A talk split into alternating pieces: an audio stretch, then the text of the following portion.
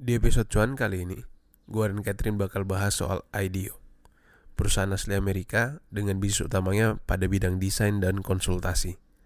Membuat mouse pertama untuk Apple hingga terlibat dalam beberapa proyek pemerintahan, bagaimana kemudian IDEO dapat bertahan dalam bisnis, bahkan menjadi pionir dalam penerapan konsep design thinking dan human-centered design.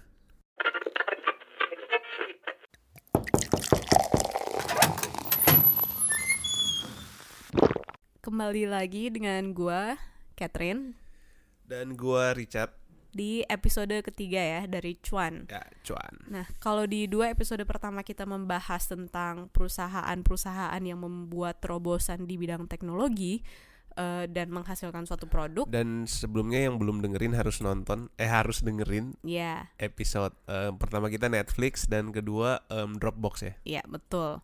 Nah, kalau kali ini perusahaannya ini agak berbeda nih. Kalau orang punya kopi favorit, gue punya perusahaan favorit. Ini udah take ke berapa kali gue udah sebut itu jadi aneh banget ya. ya, jadi kenapa ini perusahaan favorit gue? Karena eh, perusahaan ini sangat menginfluence cara berpikir gue. Dan di sini di dalam suatu perusahaan ini, lu bisa menemukan di seorang teknisi, seorang guru, seorang dokter, juga desainer eh, dengan atau seorang bisnis, businessman dan eh, mereka itu bekerja dalam satu tim yang sama Mm-mm. dan Multidisiplin ya. iya betul multidisiplin dan perusahaan ini sebenarnya eh, mungkin tidak banyak yang tahu Iya. tapi pasti orang pernah tahu hasil karya-karya Dan, yang mereka dan lakukan waktu awal lu em, kayak eh, brief tentang materi ini tentang si perusahaan ini, gue juga jujur nggak nggak terlalu bahkan nggak pernah dengar sih sebenarnya. Mm-mm. Cuma mungkin ada beberapa pendengar Wineside kalau misalnya yang kebetulan mendengarkan em, episode ini mungkin ada beberapa juga mungkin yang dengerin karena em, si co-foundernya, oh bukan co-founder ya, CEO-nya juga pernah beberapa kali mungkin eh, ngomong di TED, ya di sering sih udah ya. ada beberapa Mm, beberapa episode. Nah, jadi perusahaan yang kita akan bahas hari ini namanya ini agak susah nih memang disebutnya nih. IDEO. Bener gak sih cara Ya, ngomongnya? kayak idea tapi pakai Ya. o IDEA. Jadi bahasa Indonesia IDEO. nggak ada bahasa Indonesianya sih Saya untuk kalau disebut dengan yang lebih familiar dengan orang Indonesia Ya. IDEO lah biasanya. I hurufnya I D E sama O. ya IDEO.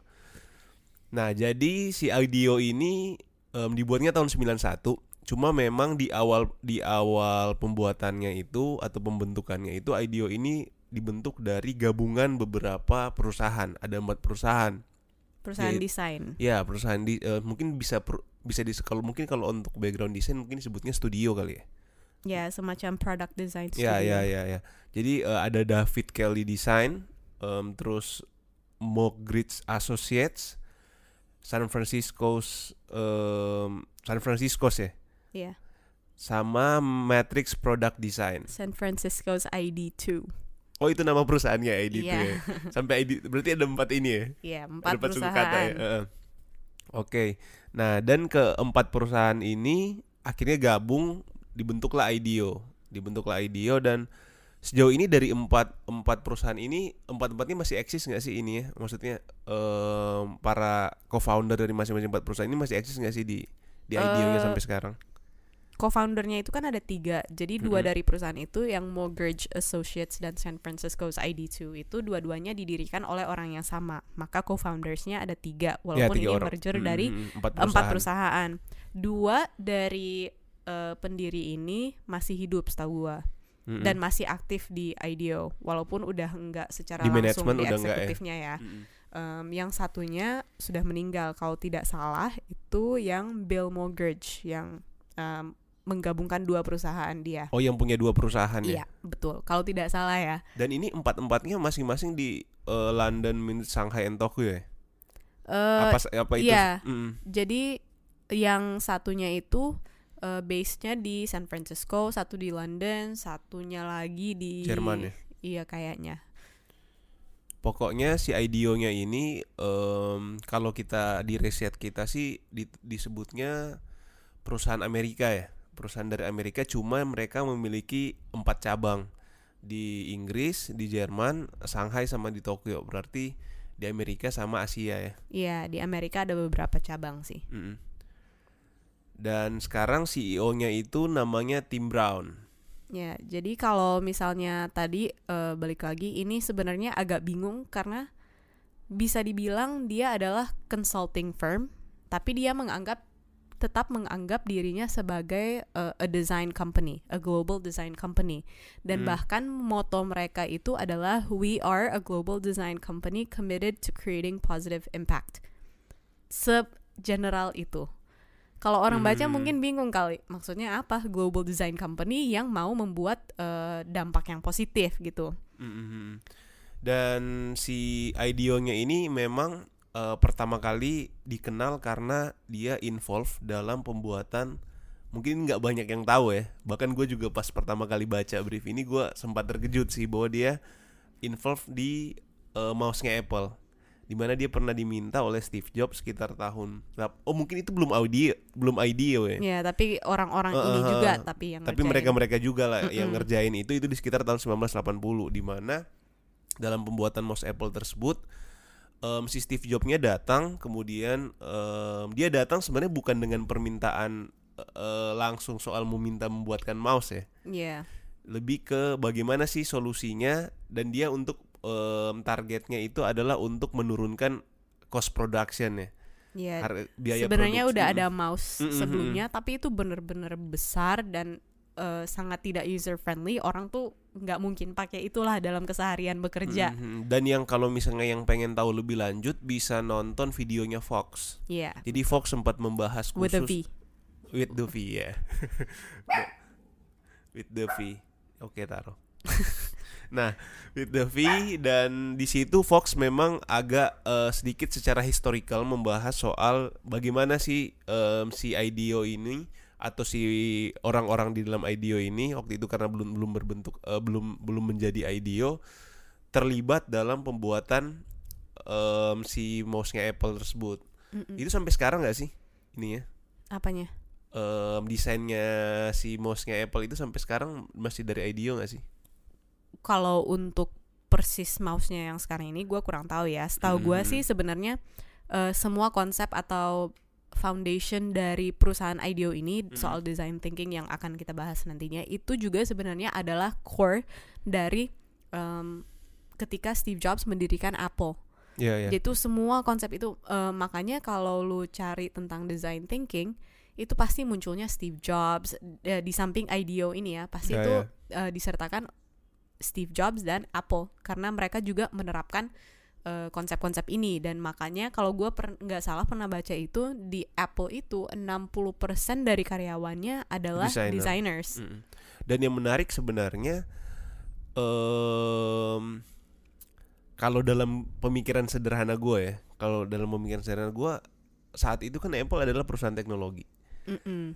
Kemungkinan besar ketika dia mau membuat inovasi harusnya ke ini dong, ke ahli Betul. teknologi dong Iya. sebenarnya. Tapi justru dia malah komu- em, membangun komunikasi dengan justru perusahaan desain.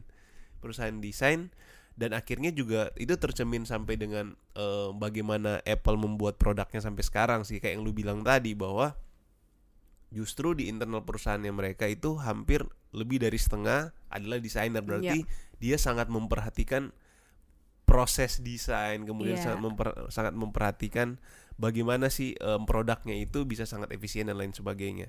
Nah, yang perlu juga teman-teman tahu adalah si IDEO ini salah bukan salah satu sih bahkan Pelopor mereka kali. iya bahkan mereka pelopor konsep notebook. Notebook di sini tentunya yang gue maksud adalah laptop ya, bukan bukan buku Bukan tulis buku ya. tulis ya. Nah, jadi kalau misalnya teman-teman yang sekarang eh, menggunakan dan menurut gue zaman sekarang mana sih orang yang nggak menggunakan laptop ya? Itu awalnya konsepnya itu dibuat oleh si IDEO ini, di mana dia membuat em, komputer bisa diakses di mana pun, kapan pun dengan cara yang jauh lebih efisien dan lebih efektif. Iya. Dan selain itu PDA juga itu buatannya si IDEO ini di mana dia awal-awal agak lebih banyak di bidang teknologi ya. Mungkin karena produk-produk zaman dulu itu lagi inovasi-inovasinya semuanya mengarah ke Mm-mm, eh, mm-mm. teknologi kali. Mm-mm. Nah, dan ini sebenarnya kalau menurut gua sih soal dia membuat mouse Apple, kemudian memberikan konsep em, notebook em, yang sampai saat ini dipakai oleh berbagai perusahaan dan brand lainnya tentang notebook tersebut, eh, laptop lah sederhananya. Yang menarik justru adalah ketika dia mulai bukan bukan bukan switch sih, tapi mulai explore ke hal yang baru di mana dia menyadari bahwa yang mereka lakukan selama ini adalah memecahkan masalah dengan design thinking, dengan cara berpikir yang pada akhirnya membuat si IDEO ini terjun ke eh, yang mereka sebut dengan sistem desain. Sistem desain contohnya adalah ketika dia terlibat eh, teman-teman bisa bayangin ya, suatu perusahaan desain justru dia terlibat dalam project voting system di Los Angeles. Sistem pemilihan ya. Ya, sistem pemilihannya. Kemudian si IDEO ini juga memegang proyek pembuatan sekolah. Mungkin kalau seandainya pembuatan sekolahnya ini lebih ke arsitekturnya, Hmm, kemudian interior. desain interior, mungkin gua nggak nggak bakal terkejut ya. Tapi yang menarik di sini justru mereka terlibat dalam pembuatan kurikulum, kemudian bagaimana cara mentraining guru, kemudian bagaimana membuat salah satu em, sekolah swasta itu menjadi biaya ringan yang akhirnya bisa diakses oleh masyarakat lokal di sekitar situ. Jadi si Innova School ini kayak kayak nama mobil ya. Innova iya. Jadi ya. si Innova School ini posisinya di Peru. Eh, kalau teman-teman eh, bisa eh, search bisa bisa ketemu Innova School di mana si IDEO ini salah satu boleh dibilang vendor lah ya dalam tanda kutip yang Iya. Membangun si Innova School ini benar-benar dari nol. Dan ini bukan cuma satu sekolah loh. Ini sistem Iya. sekolah. Jadi Mm-mm. eh, banyak cabangnya gitu, bukan cuma satu sekolah Mm. aja.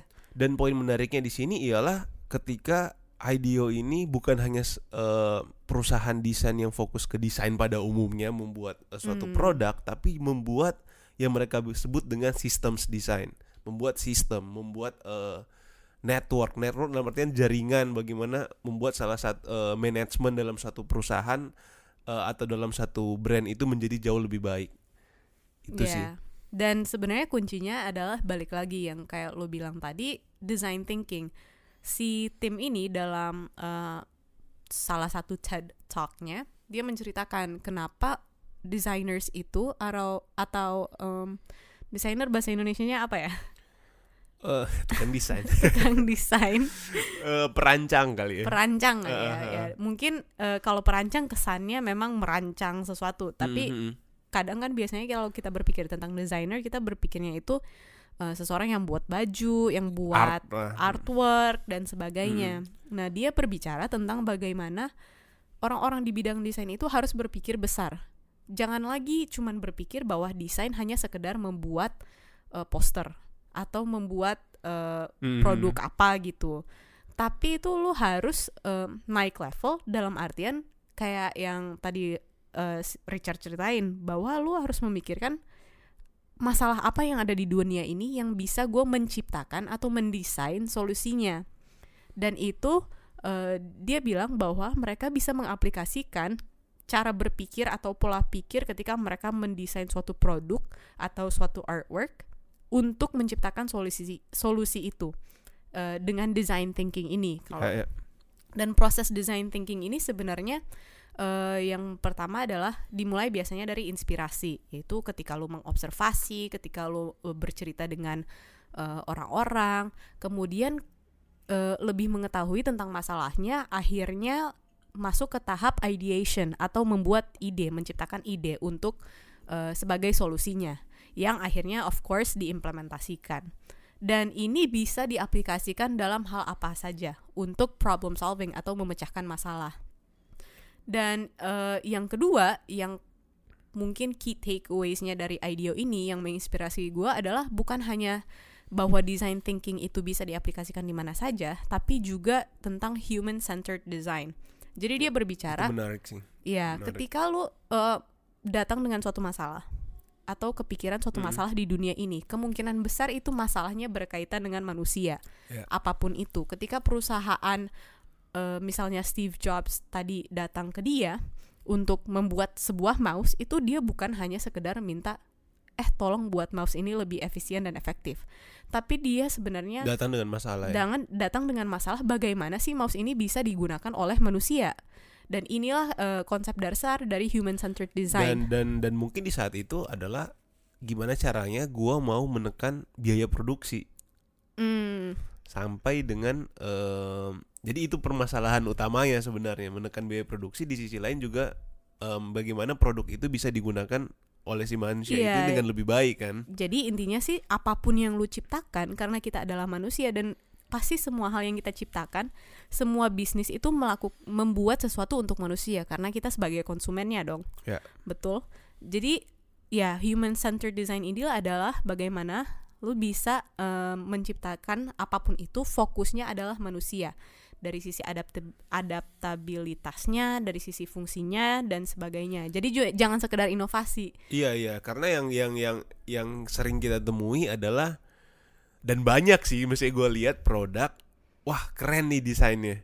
Ya kita nggak nggak usah ke inilah ke ke contoh-contoh yang aneh-aneh lah. Handphone misalkan. Mm-mm. berapa banyak produk gue nggak sebut merek produk handphone yang wah inovasinya gila tuh. Wah, buat ini banget. fitur ini fitur ini. Nah scrolling pakai mata. Scrolling pakai mata. Dan pertanyaannya ialah sejauh apa kemudian itu berguna? Mm-mm. Pertama sejauh apa itu berguna dan sejauh apa digunakan oleh si manusianya. Nah betul. Jadi em, yang yang poin menarik dari si IDEO ini adalah mereka berpikir yang kayak eh, Katy bilang tadi bahwa design thinking itu it's not nggak hanya sekedar human centered design. Iya, human centered design nggak hanya sekedar lu membuat inovasi, nggak hanya sekedar lu membuat desain yang lebih indah, lebih baik, tapi bagaimana desain dan inovasi tersebut justru membuat eh, segala sesuatu aktivitas manusia, contohnya menjadi jauh lebih efektif dan membuat manusia tersebut jauh lebih nyaman. ya dan salah satu tersebut. em, apa kata-kata dari IDEO dari websitenya dia sih Mhm. yang menurut gue sangat menarik adalah dia menyatakan teknologi itu cepat sekali berkembang Mhm. sangat cepat sekali tapi kebutuhan manusia itu perubahannya sangat pelan Mhm. Nah, human centered design ini sebenarnya mengambil titik tengah antara eh, kedua ini. Ketika lu udah teknologi sudah berkembang Ya. dengan begitu cepat, tapi apakah manusia sudah membutuhkan teknologi itu? Kalau nggak butuh ya nggak akan diadaptasi.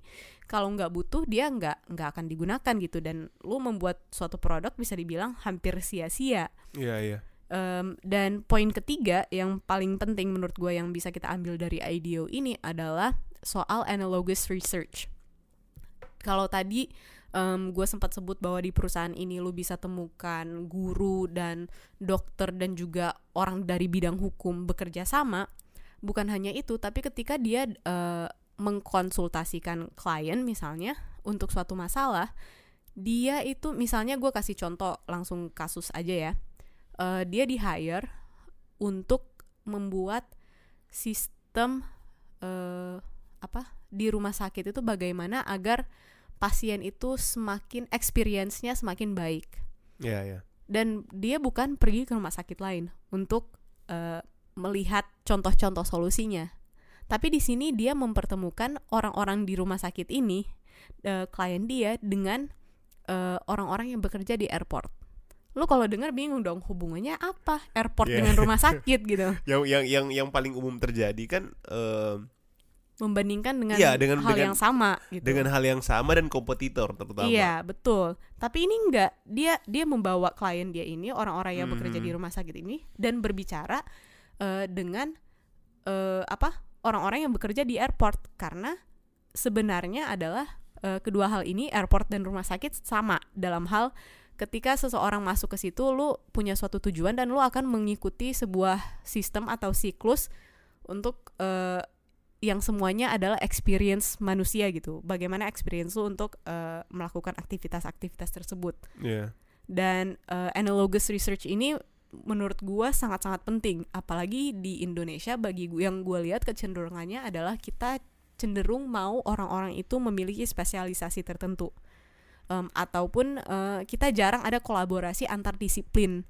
Jadi ketika misalnya gua adalah perusahaan atau sebuah sekolah misalnya Mm. kalau gue punya masalah dalam sekolah misalnya eh, masalah kurikulum atau apa gitu gue nggak akan melihat misalnya ke eh, sebuah bisnis untuk solusinya gue pasti cari ke sekolah lain gitu Hmm. solusinya dan ini yang IDEO pengen eh, apa membuat perubahan dalam atau membuat terobosan dalam hal lu harus justru melihat di industri-industri lain untuk mendapatkan ide-ide baru, inspirasi baru agar lu bisa lebih one step one step ahead daripada kompetitor-kompetitor lu. Dan eh, sebenarnya hal yang menarik yang pengen gue tanyain karena tadi udah sebut sedikit tentang di konteksnya di Indonesia adalah eh, berdasarkan poin-poin di atas nih eh, tiga Mhm. poin inspirasi lah bisa dibilang dari IDEO ini yaitu eh, soal design thinking dan juga human centered design dan eh, analogous research ini gimana sih bisa diaplikasiin? Karena lu bidang hukum eh, dan pemerintahan gue nanyanya gimana bisa diaplikasikan dalam bidang hukum atau pemerintahan di Indonesia?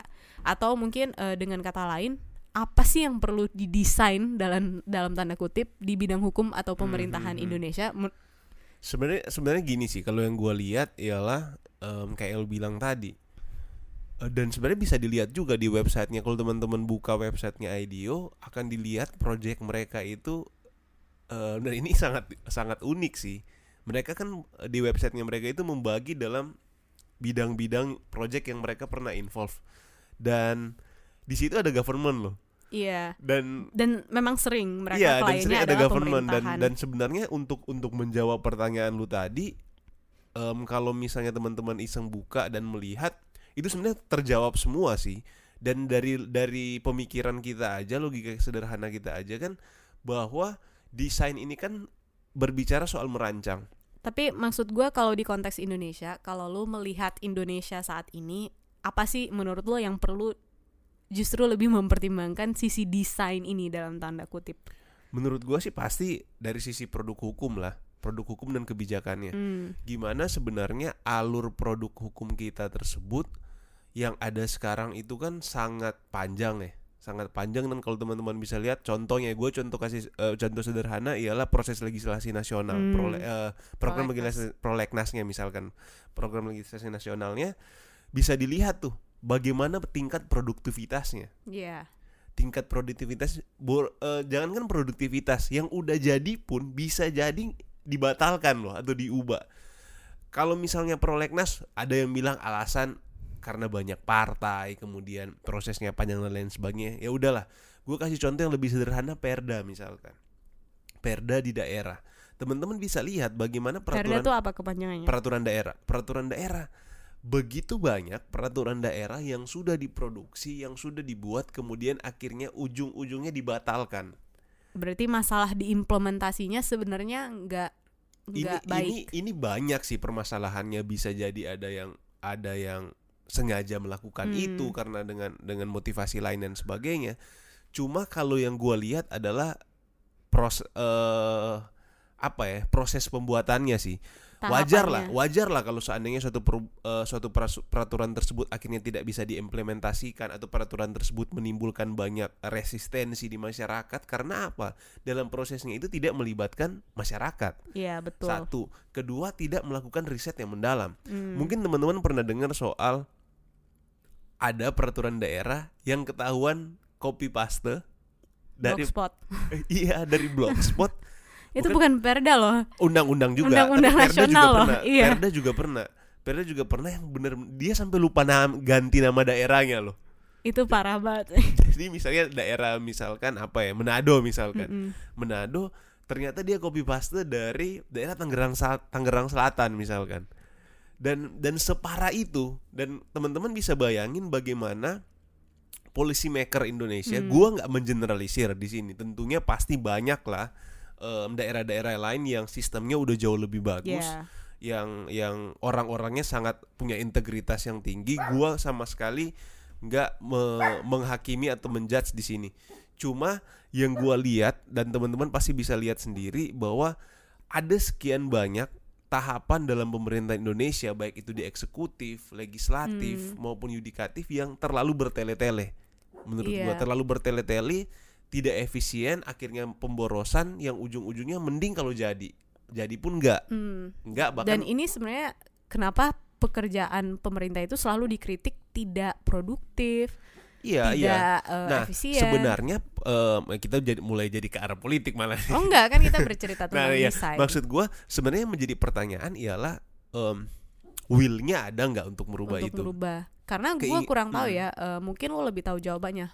Kapan sih terakhir ada evaluasi em, atau semacam perubahan Mm-mm. terhadap sistem kerja di pemerintahan?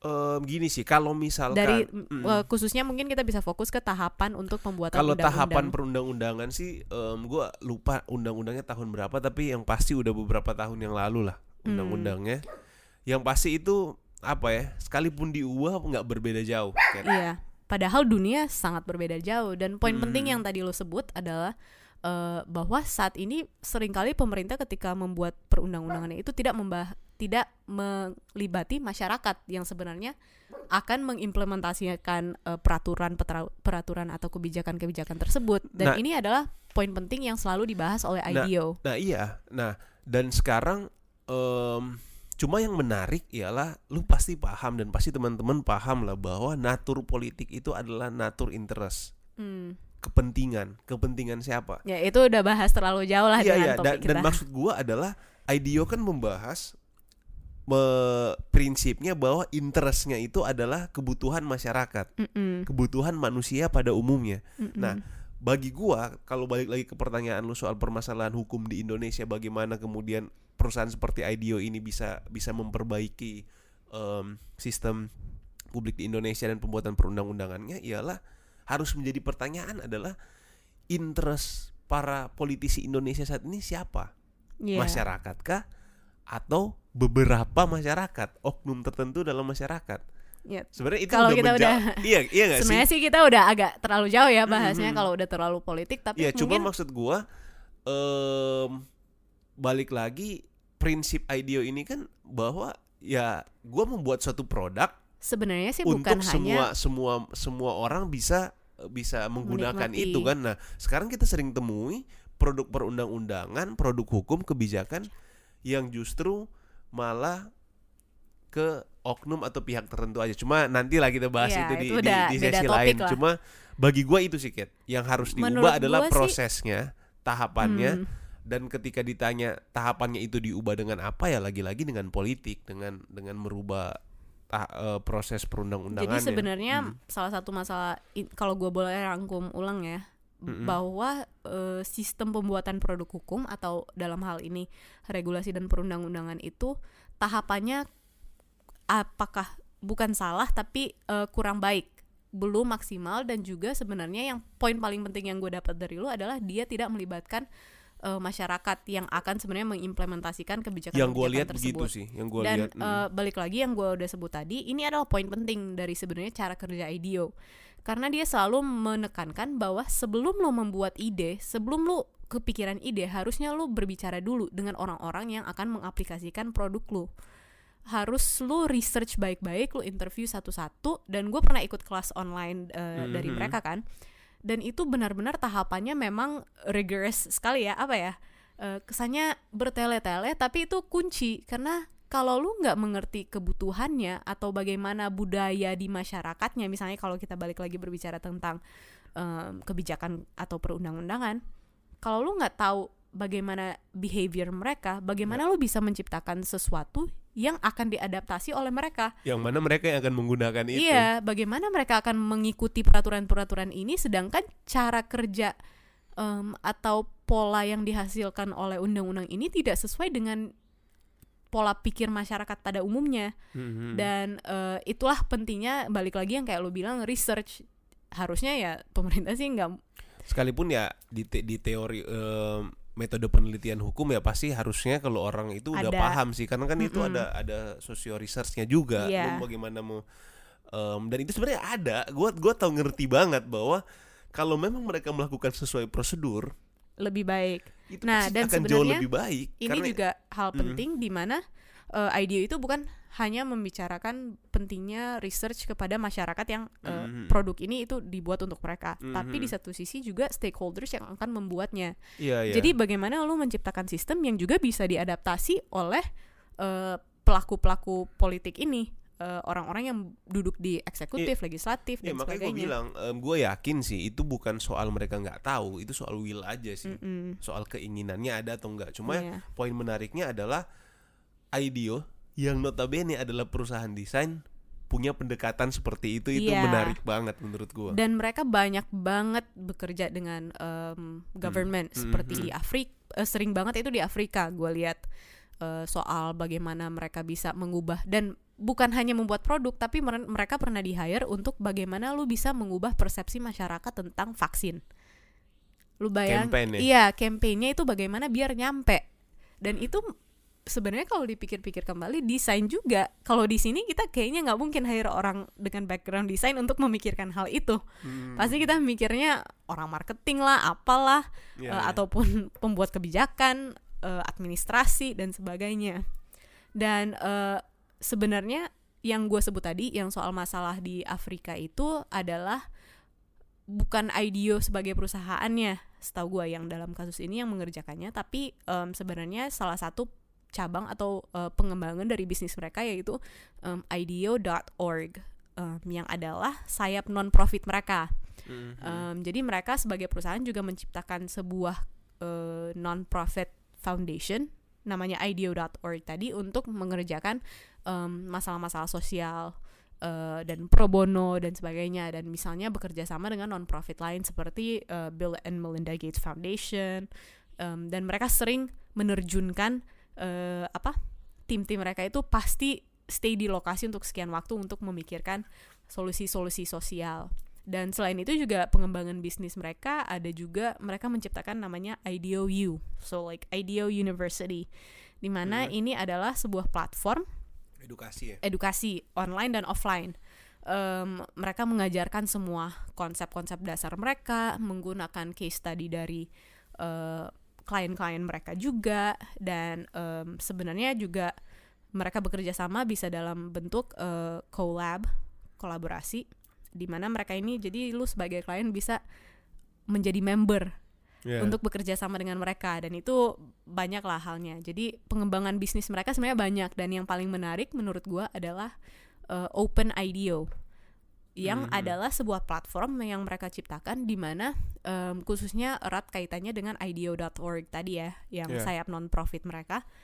Mereka melempar sering mereka melemparkan um, challenge yang mereka terima eh, masalah-masalah sosial dan ditampilkan di suatu platform website saat ini sebenarnya Eh, dan mereka itu membuka siapa pun untuk memberikan Ide. ide masukan dan kebetulan gue kan eh, member dalam tanda kutip di Eh, situ jadi gue sering pernah masukin ide juga sih oh pernah dong Keterima nggak? Eh, Itu bukan soal tahu itu bukan soal Nggak, keterima bukan nggak soal keterima keterima ya? enggak itu ya mereka kayak butuh dia butuh insight aja iya butuh ya. insight Hmm. karena in- menurut mereka semakin banyak insight pasti lu akan semakin baik it- idenya Itu kayak inilah kayak kita misalnya buat eh, pertanyaan di story Instagram ya. Iya, untuk mendapatkan insight Eh. kayak business insights em, kayak ketika lu melakukan suatu research business untuk melihat apakah produk lu akan laku Mhm. nanti. Dan em, ya jadi pengembangan mereka sebenarnya banyak gitu, bukan hanya fokus di em, client base company-nya mereka ini. Nah, jadi eh, sebenarnya kalau teman-teman mungkin ada yang rencana membuat desain studio kayaknya IDEO ini perlu di- menjadi salah satu Mm-mm. benchmarking sih. Dan gue sebenarnya ada udah melihat ada salah satu nggak usah disebut lah salah satu perusahaan em, desain di Indonesia yang em, kelihatan banget kelihatan banget ini. ya. benchmarkingnya Dan adalah ini keren IDEO. sih karena em, ternyata desain itu skupnya gede banget. Mm-mm. Dan kayak yang pas kita ngobrol tadi, yang lu bilang, em, yang paling penting adalah sebenarnya mereka itu mau membuat desain ini bukan sesuatu yang milik designers karena memang bukan. Mm-mm. Desain ini bisa digunakan oleh siapa aja. Itu desain itu tergantung siapa yang eh, melakukannya gitu. Iya, bukan soal orang yang kalau kata si Tim Brown ini yang pakai kacamata yang bercorak-corak atau pakai turtleneck atau eh, dengan gaya desainer Betul, betul, tertentu betul. dan eh, sebenarnya gue pengen nanya lagi nih lu kan bekerja di bidang consulting ya Mm-mm. nah eh, dan IDEO ini bisa dibilang ya semacam consulting firm kan Iya. Kalau di pikiran gue kan sering kali itu kenapa sih orang memilih untuk menggunakan sebuah firma consulting?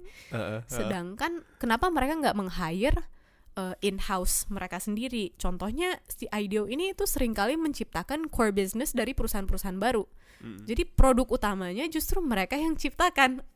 Dan Mm, mm, mm. kenapa gitu? Kenapa uh, Iya, iya, perusahaan-perusahaan ini nggak menciptakan Nah punya ini mereka kayak sendiri? pertanyaan em, hampir banyak orang juga sih dan gue pribadi sekalipun gue juga punya bisnis di bidang consulting, em, memang apa ya?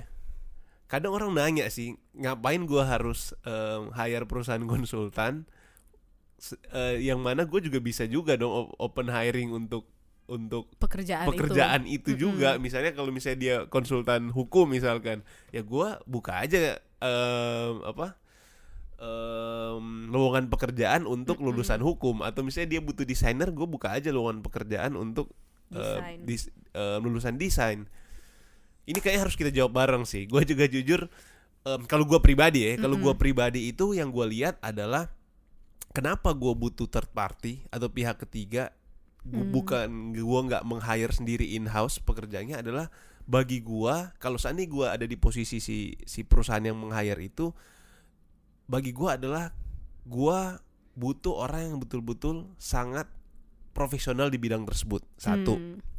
kedua adalah di mana dia udah punya pengalaman yang begitu panjang, udah bertahun-tahun dia menggeluti bisnis tersebut dan lain Iya. sebagainya.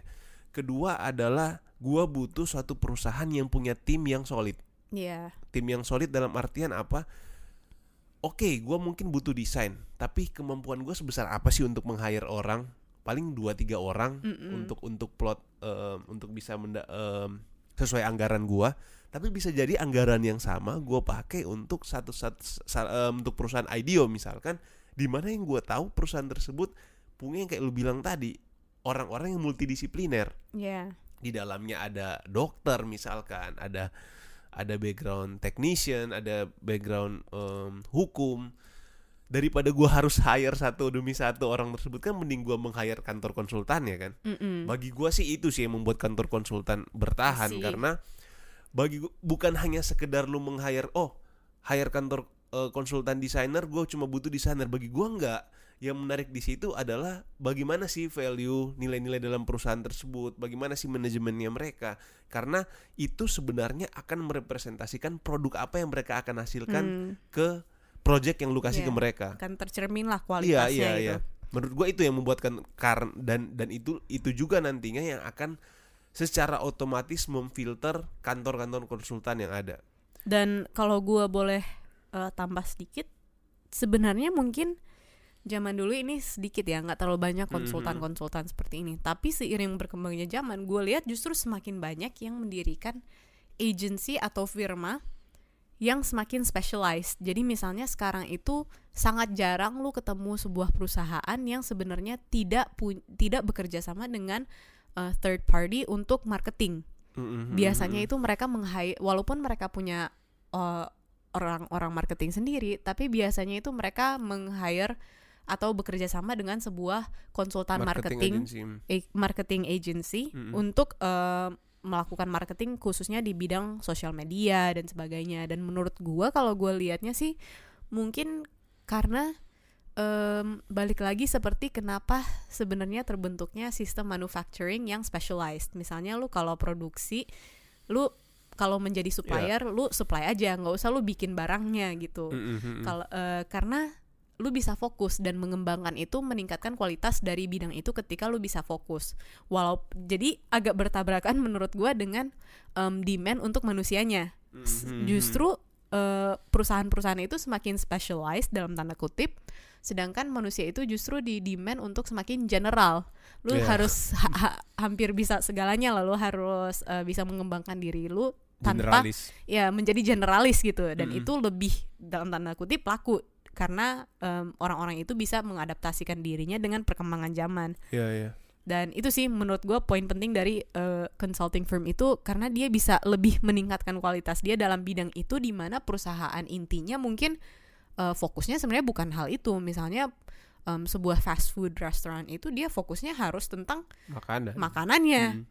gue nggak mau pusing soal sosial media gue seperti apa gitu.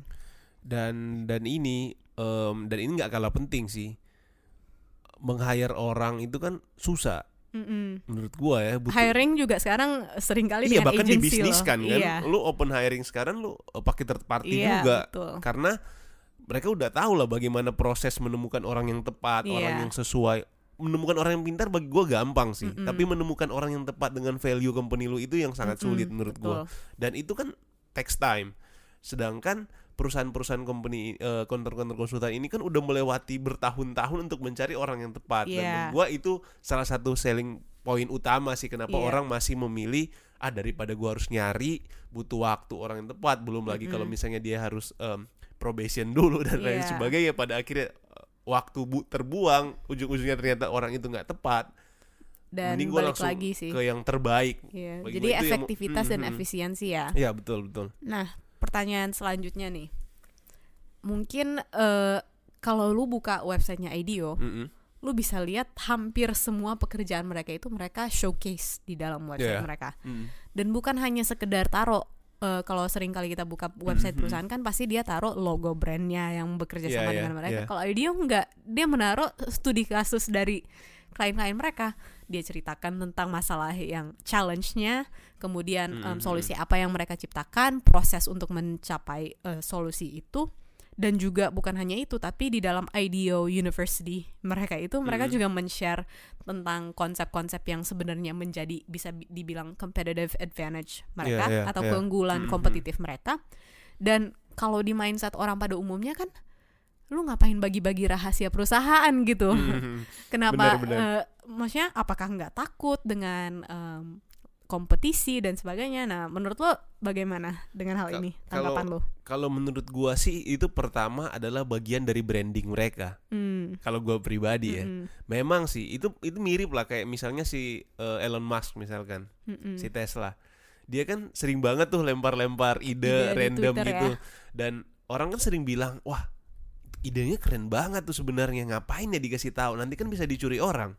Nah, dan menurut gua itu nggak segampang itu sih orang iya. mencuri ide kemudian mengimplement sekalipun memang ada kemungkinan ada kemungkinan kan bisa aja Kondisinya mungkin dari sisi kapital dan iya dan lain terlalu banyak Iya, faktor lah dibanding bagi gua kalau gua pribadi gua nggak tahu kalau misalnya lu punya pendapat lain kan cuma bagi gua adalah itu bagian dari branding bisnisnya dia Hmm. branding bisnisnya apa bahwa gua ketika gua membuat suatu produk gua selalu mulai dengan pertanyaan soal masalahnya apa Mm-mm.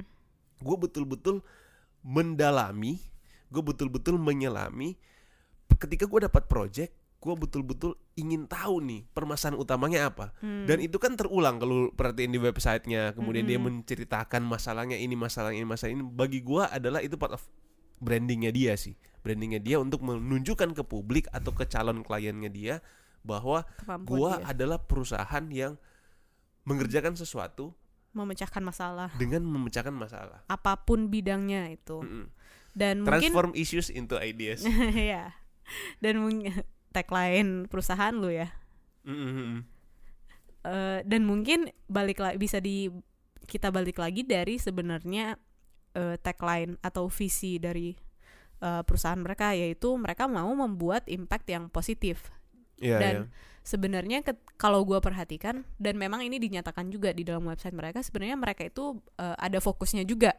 Walaupun mereka punya klien di bidang energi di bidang eh, biotek di bidang apa education atau pemerintahan tapi sebenarnya ada secara company itu mereka pengen fokus ke beberapa hal Em, ada 8 hal yang mereka fokus pertanyaan-pertanyaan besar yang ingin mereka pecahkan Mm-mm. yang pertama itu adalah bagaimana kita bisa menggunakan um, AI, artificial intelligence atau um, bahasa Indonesianya um, apa?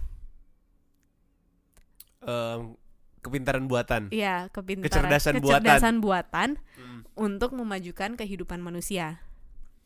Jadi itu kembali lagi ke human centered design kan fokusnya. Dan yang kedua itu adalah bagaimana peran desain dalam membangun perusahaan baru. Mm-mm. Ketiga adalah bagaimana kita akan menggerakkan manusia dan harta benda harta benda atau uh, di masa depan atau berkaitan dengan mobilitas. Jadi transportasi, um, sistem jaringan transportasinya sendiri. Mhm. Kemudian ada juga bagaimana kita bisa merancang sistem pangan yang lebih baik untuk masa depan. Jadi sangat berkaitan dengan um, agrikultur dan juga sistem pertanian. Uh, kelima adalah bagaimana kita bisa mempersonalisasikan layanan kesehatan. Hmm. Jadi kesehatan yang lebih sesuai individu. Kalau sekarang kan kita bikin obat secara umum ya. Um, tapi ini bagaimana lu sebagai individu bisa mendapatkan obat yang sangat tepat dengan kebutuhan lu. Yang keenam adalah bagaimana pemerintah bisa lebih terpusat pada warga negara. Kemudian tujuh, bagaimana desain dapat memajukan pembelajaran dan pendidikan. Dan yang terakhir adalah apa yang membuat organisasi lebih kompetitif secara kreatif. Jadi 8 bidang itu sih yang menjadi fokus mereka. Mhm. AI, em, membangun perusahaan, mobilitas, pangan, kesehatan, pemerintahan, pendidikan dan em, krea- kompetitif kreatif. Kalau gue lihat ini ya si IDEO ini kayak perusahaan dipenuh deng- dipenuhi dengan pertanyaan Iya, karena itu yang selalu eh, memulai dan, dan segala gue nonton videonya si em, CEO-nya si Tim Brown itu dia sering banget tuh mention soal start with pertanyaan Mm-mm. lu mulai sesuatu dengan pertanyaan yang tepat Iya, betul.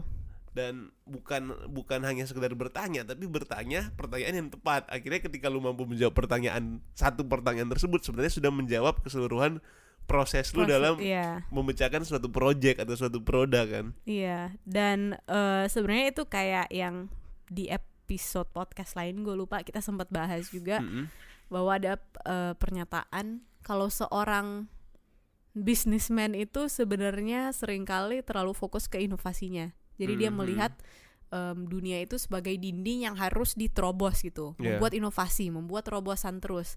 Tapi sebenarnya yang harusnya menjadi fokus dia adalah dia melihat dunia ini atau em, bidang dia itu sebagai pintu yang terkunci dan dia Hmm. harus mencari kuncinya untuk membuka Hmm, pintu betul, itu. betul akhirnya em, dia nggak terbeban dengan membuat terobosan-terobosan Iya. baru tapi dia terbeban dengan mencari Solusi. solusi mencari Iya. jawaban dan kalau em, kita lihat startup startup yang sangat besar saat ini unicorns bahkan Mm-mm. dekakorn sekarang ada istilah dekakorn juga itu mereka pasti start dengan menjawab pertanyaan atau menjawab permasalahan besar Yes. masyarakat saat itu. Contohnya misalkan eh, perusahaan eh, transportasi misalnya kayak Gojek, Grab, Uber Mm-mm. dan lain sebagainya, semuanya itu start dengan pertanyaan bahwa orang eh, butuh mobilitas yang cepat.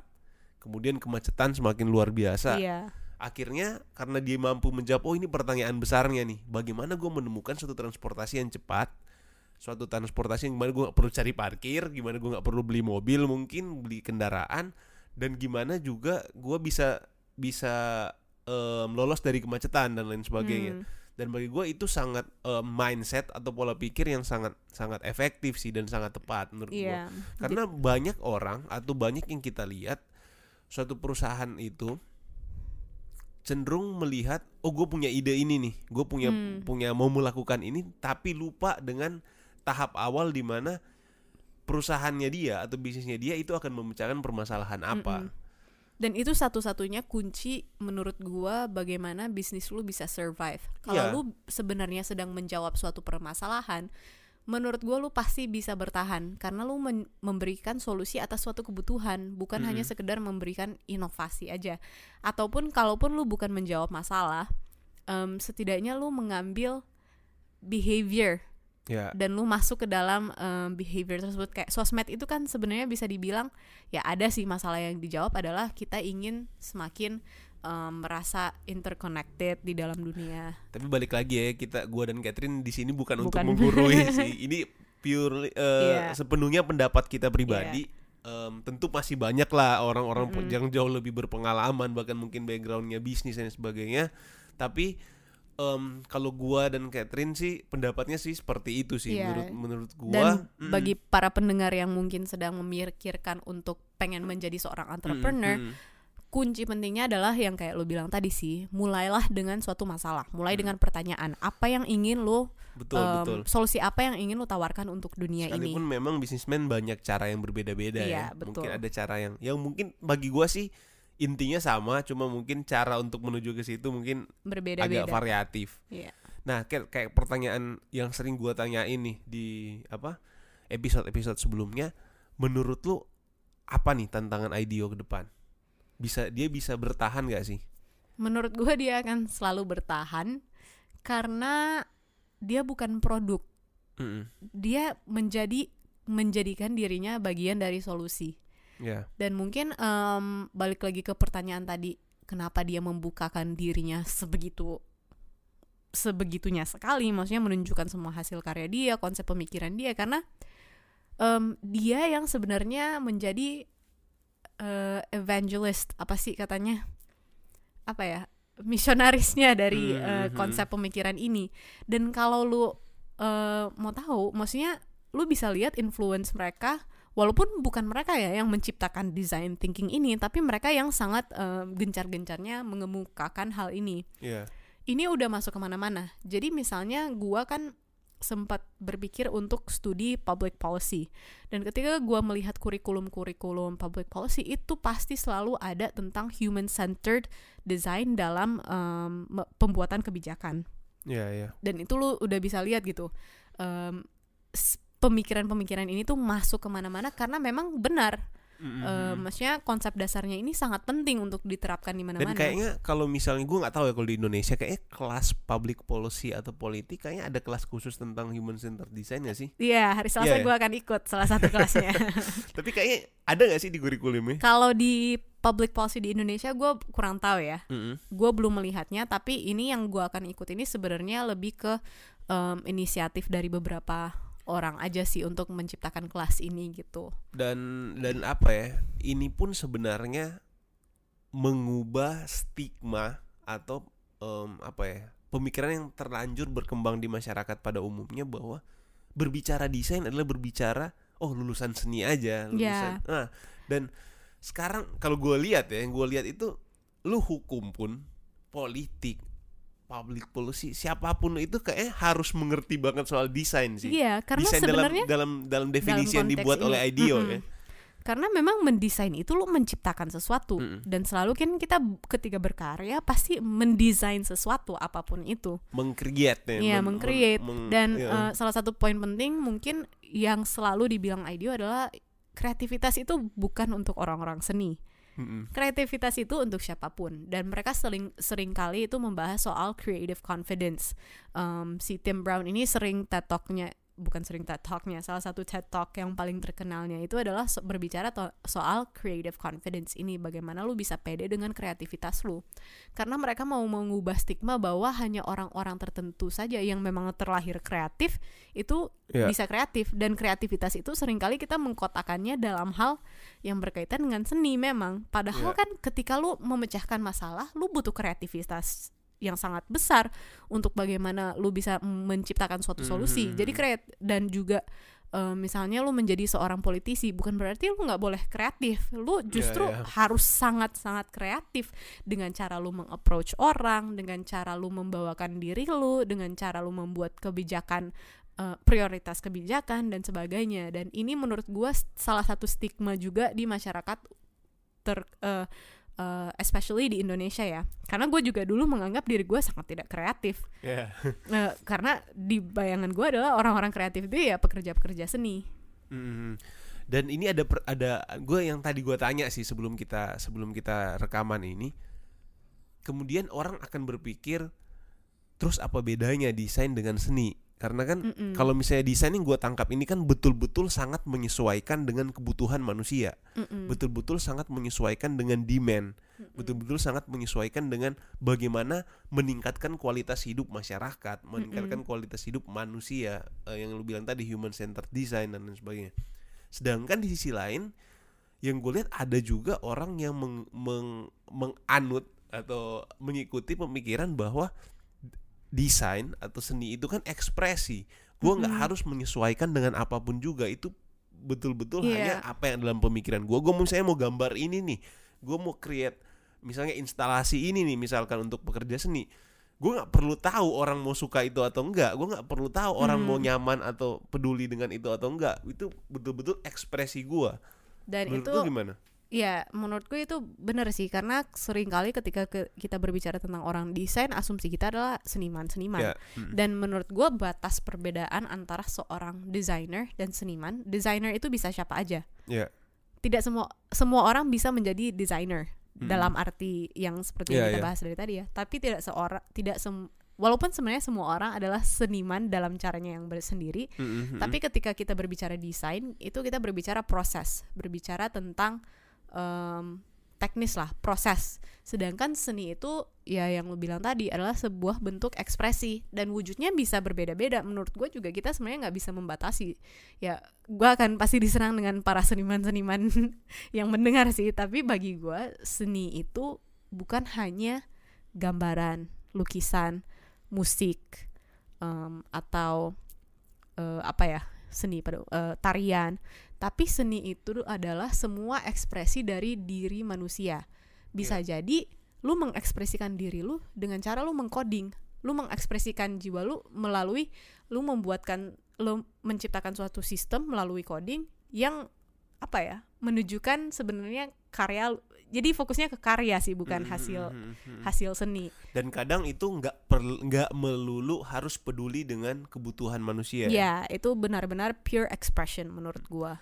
Dan menurut gua sebenarnya em, dalam hubungan dengan IDEO ini ini adalah ada nanti eh, diskusi atau orang yang mem- yang nggak setuju dengan nggak segala hal itu harus menyesuaikan bisa aja lu menciptakan sesuatu kebiasaan yang baru lu menciptakan Mm-mm. sesuatu hal yang betul-betul baru karena apa untuk merekayasa manusia dalam tanda kutip merekayasa kebiasaan manusia sebenarnya mereka juga melakukan hal tersebut tapi balik lagi ketika lu mau merekayasa manusia atau lu mau Iya. menciptakan suatu behavior yang baru lu harus ngerti dulu dong behavior saat ini itu seperti apa bagaimana lu bisa masuk ke situ Oh ya, lebih ke pendekatan proses Ya, awalnya ya. betul prosesnya. Ya, ya, Jadi betul. sebenarnya bukan berarti mereka hanya em, sekedar membuat solusi menyesuaikan. menyesuaikan, tapi sebenarnya lebih ke prosesnya itu sih. Proses untuk pada akhirnya em, mereka em, apa ya?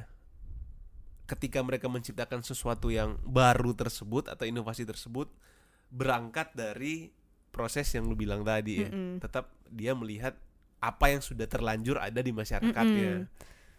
Dan ini mungkin eh, pertanyaan terakhir sih, Kat. Eh, yang yang perlu kita diskusin bersama. Menurut lu sejauh apa pengembangan IDEO ke depan? Setelah Kalau- apa yang udah udah kita bahas tadi, dia udah buat ini, buat itu, buat pengembangan ini dan sebagainya, Mm-mm. masih ada nggak sih lean development yang bisa dia capai? Pasti selalu ada ya. Maksudnya menurut Hmm. gua tidak ada batas bagi suatu perusahaan, apalagi perusahaan seperti IDEO yang Hmm. sebenarnya Hmm. dia bukan em, perusahaan yang product based, tapi dia adalah fokus pada cara bekerja dia. Dan sebenarnya kalau gua lihat dari sisi eh, pengembangan bisnisnya kan kita udah sebut-sebutin tuh tadi sayap non profitnya, university dalam tanda kutipnya, vi- eh, platform untuk kolaborasi dan em, menyumbang idenya. Dan saat ini yang setahu gue mereka sudah kem- sedang kembangkan juga itu suatu produk yang Hmm, mungkin hmm, hmm. akan dipasarkan. Sebenarnya video marketingnya baru tayang kemarin sih, jadi gue baru lihat juga.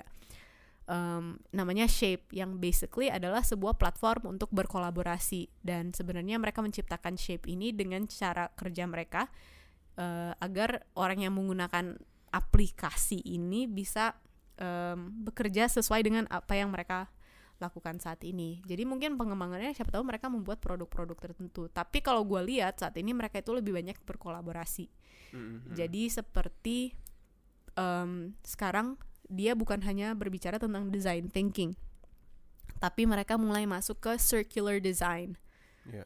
yaitu em, sebenarnya berkaitan erat dengan eh, circular economy sih, yang eh, saat ini pasti kita banyak kaitannya dengan ling- masalah-masalah lingkungan kan, Em, bagaimana kita bisa menciptakan em, suatu sistem produksi yang sirkular atau biasanya kita cuma memikirkan bagaimana membuat produk ini dari tahap awal pembuatan hingga hasil akhirnya gitu produknya akan end up di mana. Tapi sekarang em, kita selalu di challenge untuk memikirkan ketika produk yang dihasilkan oleh suatu perusahaan itu udah selesai dipakai oleh konsumennya itu bagaimana bisa balik lagi ke perusahaannya untuk em, didaur ulang atau digunakan kembali dan sebagainya Ya. untuk mengurangi ya sampah dan im- dampak buruk ke lingkungan jadi semuanya kembali lagi ke circular economy nah mereka ini sekarang gue lihat eh, lagi main banyak Mhm. dalam pemikiran-pemikiran circular design ini eh, circular economy dan circular design ini Dan gue tambahin sedikit sih, menurut gue em, IDEO ini mungkin agak sedikit berbeda dengan Netflix dan Dropbox em, Dropbox karena mereka itu lebih ke jasa kan Iya. sebenarnya.